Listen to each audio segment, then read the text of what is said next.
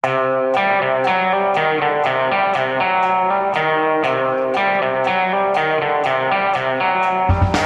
Carl gjøre comeback? Carl I. Hagen har stø kurs mot landsmøtet i Fremskrittspartiet for å bli nominert på Stortinget.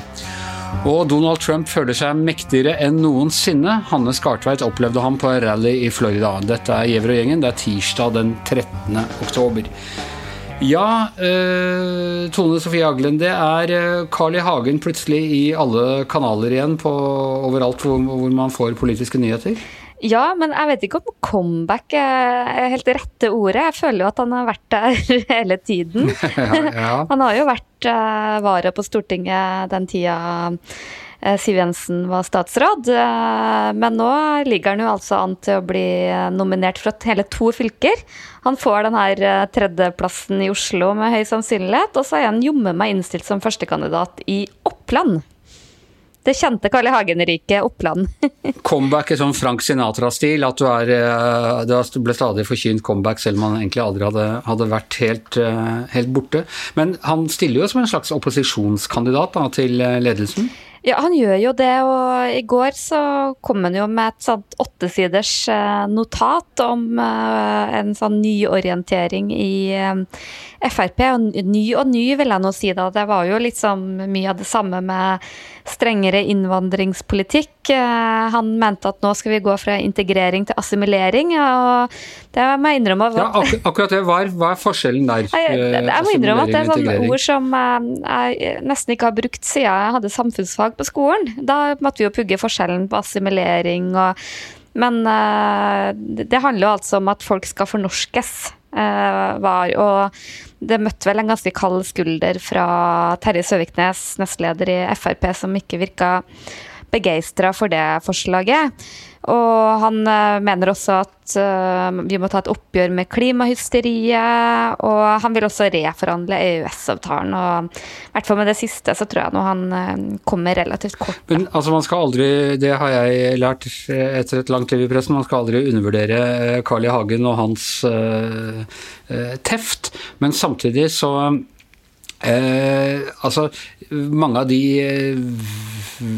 tingene han går inn for og den tonen han legger an, har jo vært prøvd i Oslo Frp, og det er jo et av de eh, lokallagene det har gått dårligst med de siste årene ved valg. Ja, og det er litt det som er eh, dilemmaet i Frp, som jeg tror veldig mange kjenner på. For Carl I. Hagen har åpenbart en ganske stor krets i Oslo Frp som, eh, som eh, lytter veldig til han. Åpenbart også noen i Oppland. Eh, Eh, og han har jo en helt unik posisjon i partiet som gjør at uh, nesten uansett hva han gjør, så er folk liksom litt sånn glad og takknemlig i han uansett. Men utfordringa er jo at han er muligens litt sånn overvurdert som stemmesanker. Han har ikke gjort det spesielt godt når han har stilt som ordførerkandidat. Oslo Frp er jo en eh, ikke akkurat noe eh, utstillingsvindu for Frp. Har gjort det veldig svakt. Nå må det sies at det er ikke bare Oslo, det samme gjelder Bergen og til dels også Trondheim. De sliter skikkelig i storbyene. Og, men det virker relativt lite tru i Frp at liksom enda mer av det samme bare blir enda strengere på innvandringspolitikk enda mer klimaskeptiker, så skal liksom velgerne komme strømmende til. Det ser ikke helt sånn ut, da. Men, men, men det der er en sånn der, en rivning i Frp. Vi hadde jo, Thomas Giertsen og jeg hadde uh, I. Hagen på, som gjest i podkasten her i vår.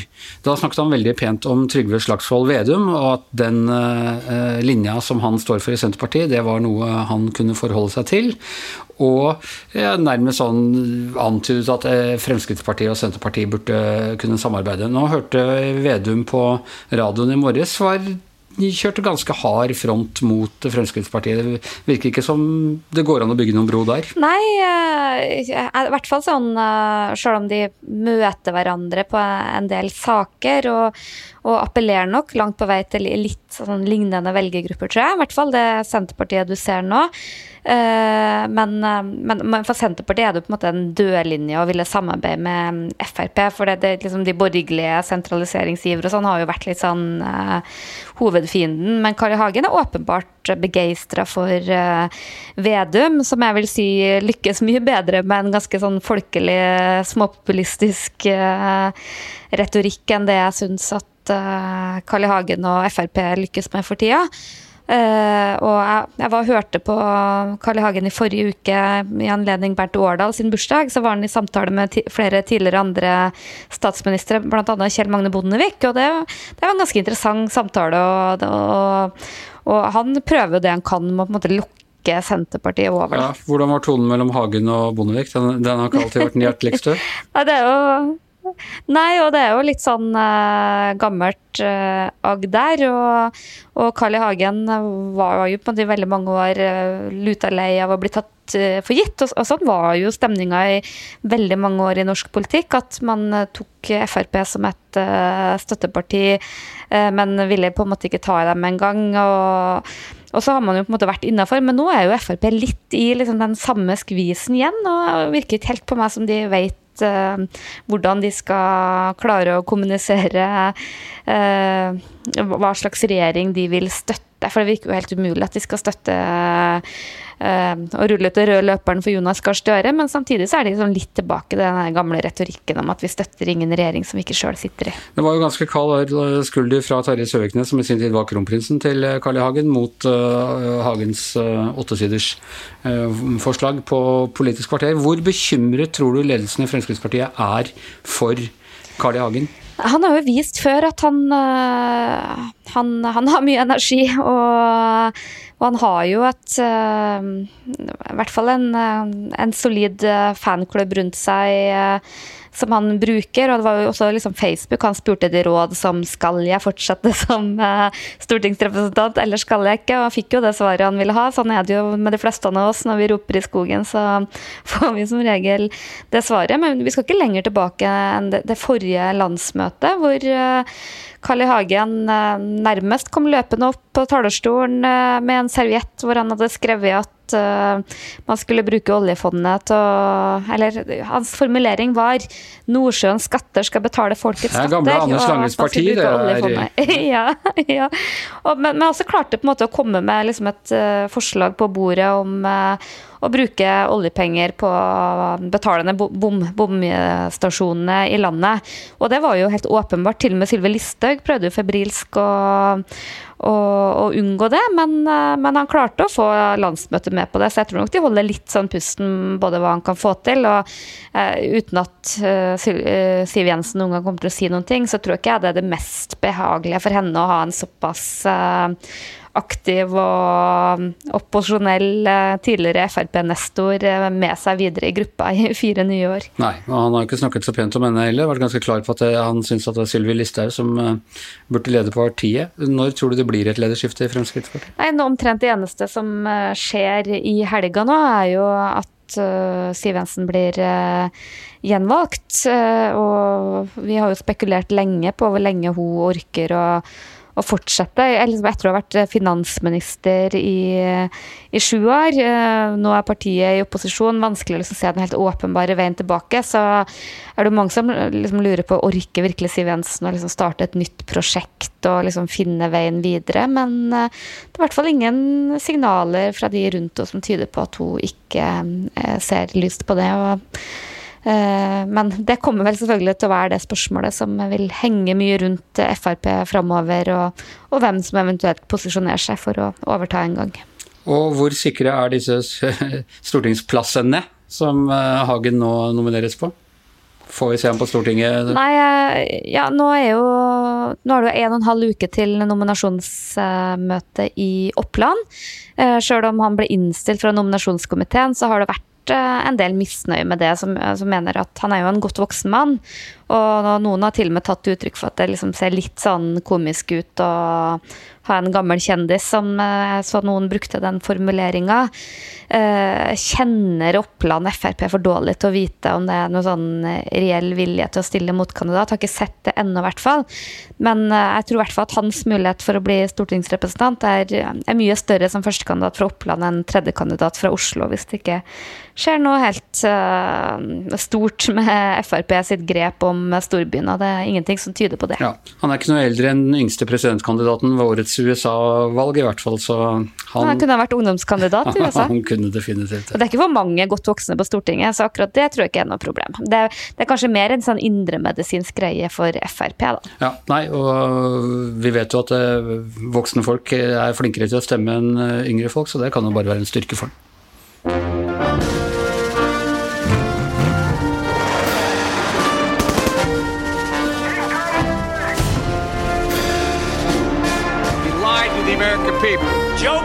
Is a weak person. Ja, og i natt ble altså Donald Trump sluppet løs i Florida, sitt første store rally siden han ble eh, smittet av eh, korona, så vidt vi vet, da. Eh, siden han ble smittet av korona. Og der var du, Hanne Skartveit, en uforglemmelig opplevelse, vil jeg tro?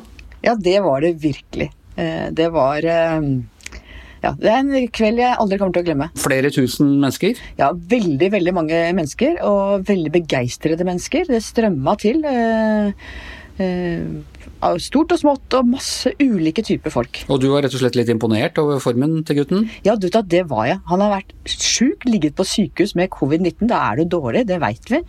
Eh, og så står han altså en time i varmen det var varmt og det var svett.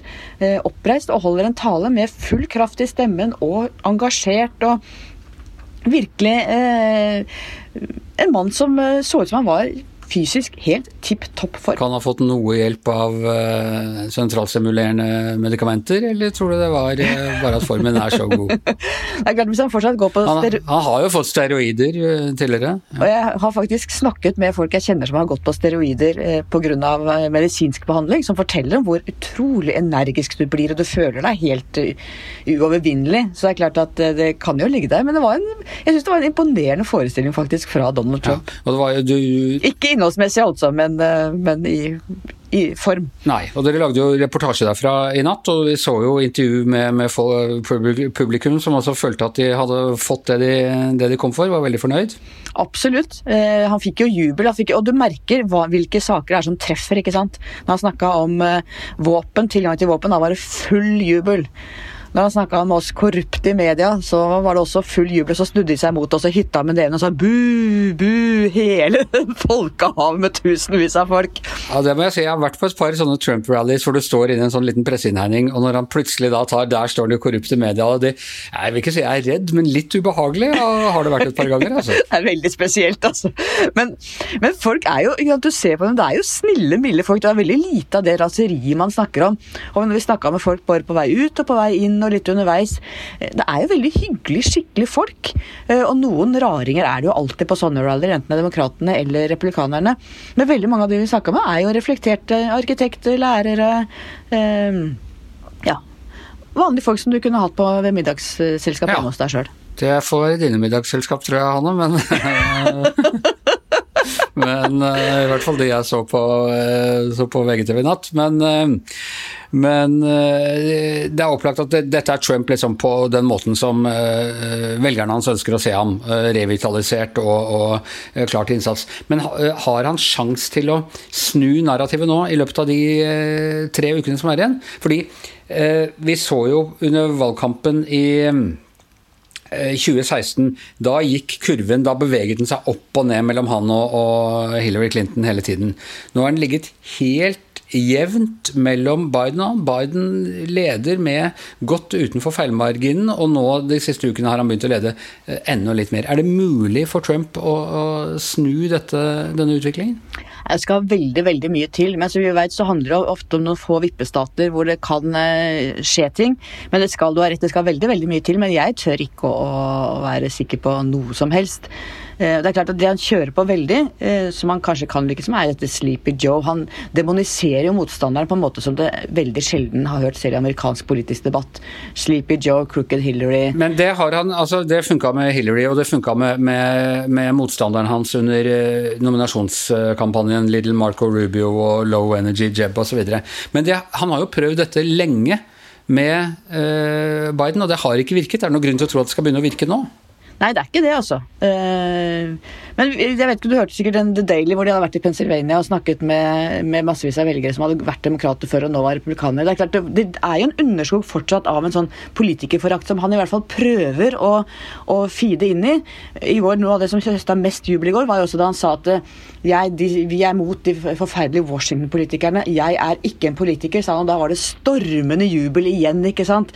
Eh, men jeg tror ikke det går i. Det er klart Han har sittet fire år med makt, og da er det mye vanskeligere å kjøre på at du ikke er politiker når du har vært president i fire år, enn det var tidligere. Samtidig, det gjør jo alle amerikanske politikere. Obama var jo, han skulle jo komme og det skulle bli change, og, og det var ikke måte på. Du må jo alltid selge deg inn som som en som ikke spiller det politiske spillet. Der har vel Trump til en viss, til en viss grad sine ord i behold. Han har ikke spilt det politiske spillet, tvert imot. Han har eh, gått mot alle konvensjoner. Ja, og mange av de vi snakket med i går, sa jo nettopp det at det er at han ikke er politiker som er så fint, for vi stoler ikke på de andre. For Joe Biden blir styrt av ytre venstre, er melodien, ikke sant. Mens Trump for, tross alt sier det han mener og er den vi ser, og noen av dem sier at det skulle gjerne vært litt mindre, litt mer eh, slipt i kantene, men han er liksom vår mann. Eh, men det er klart, dette var blodfansen vi så i går, og det er jo ikke den store velgermassen. Selv om det er mange tusen på et sånt uh, rally, så er det ikke representativt for de store velgermassene i USA. Og det er helt klart, Etter 2016, hvor man eh, med meningsmålinger og alt bomma først på brexit og så på Trump, så er man blitt veldig forsiktig med å si noe. Men jeg ser New York Times kjører en sånn uh, daglig side med meningsmålingsoppdateringer, som viser da uh, suveren seier til, til Biden. Og så har de tallene korrigert for hvis de skulle være like feil i år som de var for fire år siden. Og da, fortsatt da vinner Biden med 100 valgmannsstemmer. Eh, og, og jeg har ennå til gode å høre noen som eh, kommentatorer eller eh, som sier at ja, jeg tror Biden vinner. Det er en veldig sånn rar stemning rundt dette her. Ja da, jeg ser den, og jeg merker det sjøl òg. At, at ja, jeg tør ikke helt å si det. for at ting skjer. Og hvis det er noe de siste fire årene har lært oss, Anders, så er det at det er uforutsigbare ting som skjer hele tiden. Så man tør liksom ikke å være så trygg som vi ellers ville vært. Du har rett i det. Ja, og det er jo selvfølgelig også bra, for det er valgresultat som teller, og ikke ved meningsmålinger. Og meningsmålinger kan manipuleres, og øh, ja øh, Det er mye greier der. Men det, men det, er en virkelig merkelig stemning rundt dette her. Hva skal du nå, Hanne? Eh, I dag skal jeg reise tilbake til det vi kaller hjem nå, for at eh, Washington DC har jo blitt vår eh, base. Så jeg skal hjem til Washington og være der et par dager. Hjem til Sumpen i Washington? Ja, hjem til eller til Betesta, hvor jeg bor, da, på et hyggelig hotell der. Du, hvordan gjør dere det egentlig med smittevern og sånn? Det så jo ikke ut som det var eh, full maskebruk og antibac på, på rally i California i går? Nei, det var Jeg vil si at det var uh, sjokkerende. Altså, det var veldig veldig få der som hadde uh, masker. De aller fleste hadde det ikke. De delte ut ved inngangen til folk som ville ha. Det var ikke så mange som ville ha. Og de sto jo tett i tett i tett, og de ropte. Og vi veit jo når du roper, så er det jo dråpesmitte som kommer. så vi var veldig forsiktige. Vi hadde selvfølgelig masker og antibac hele tida. Eh, og prøvde å beskytte oss så godt vi kunne. Og gikk jo ikke inn i de tetteste menneskemengdene. Vi gikk jo liksom litt i utkanten og snakka med folk hvor det var litt avstand, og man sto litt spredt. Eh, men eh, jeg vil jo tro at det der smittevernmessig er helt krise, særlig i Florida hvor det er veldig, veldig høye smittetall.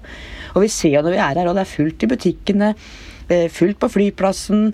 Eh, veldig mange som ikke går med masker. Så det er eh, det virker som man ikke helt tar det på alvor. Og det så vi Trump i går, som snakket om at det er flott med Florida. Dere stenger ikke ned skoler, dere stenger ikke ned business. Dere skjønner at kuren må ikke være verre enn en sykdommen, og vi skal holde Amerika sånn og beskytte næringsliv. Og, det, og, da var det full jubel da også, ikke sant? mot maskene, mot uh, smittevern. Ja, det har politisert hele smittevernet, rett og slett. Ja. Og i, i, morgen, nei, og nå skal du altså til Pennsylvania, hvor, hvor, du skal høre Biden, som er fra Pennsylvania, og som er en av de statene som er, eh, virkelig er, er, står en del spenning om. Ja, det er veldig spennende. Det er town hall-møte, så vi vet ikke om vi kommer inn, eller om vi bare skal liksom henge litt eh, rundt der. Det var jo også poeng for Trump i går, at Biden samler jo ingen.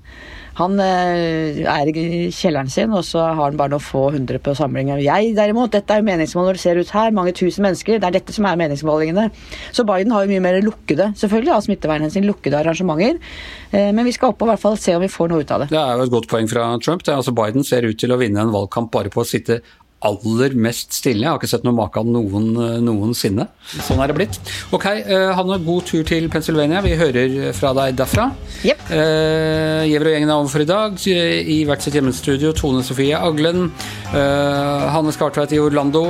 Jeg heter Anders Giæver. Og mannen som har gjort comeback uten noen gang å være borte, akkurat som Carl I. Hagen og for så vidt Donald Trump, er vår produsent Magne Antonsen. Vi høres igjen i morgen.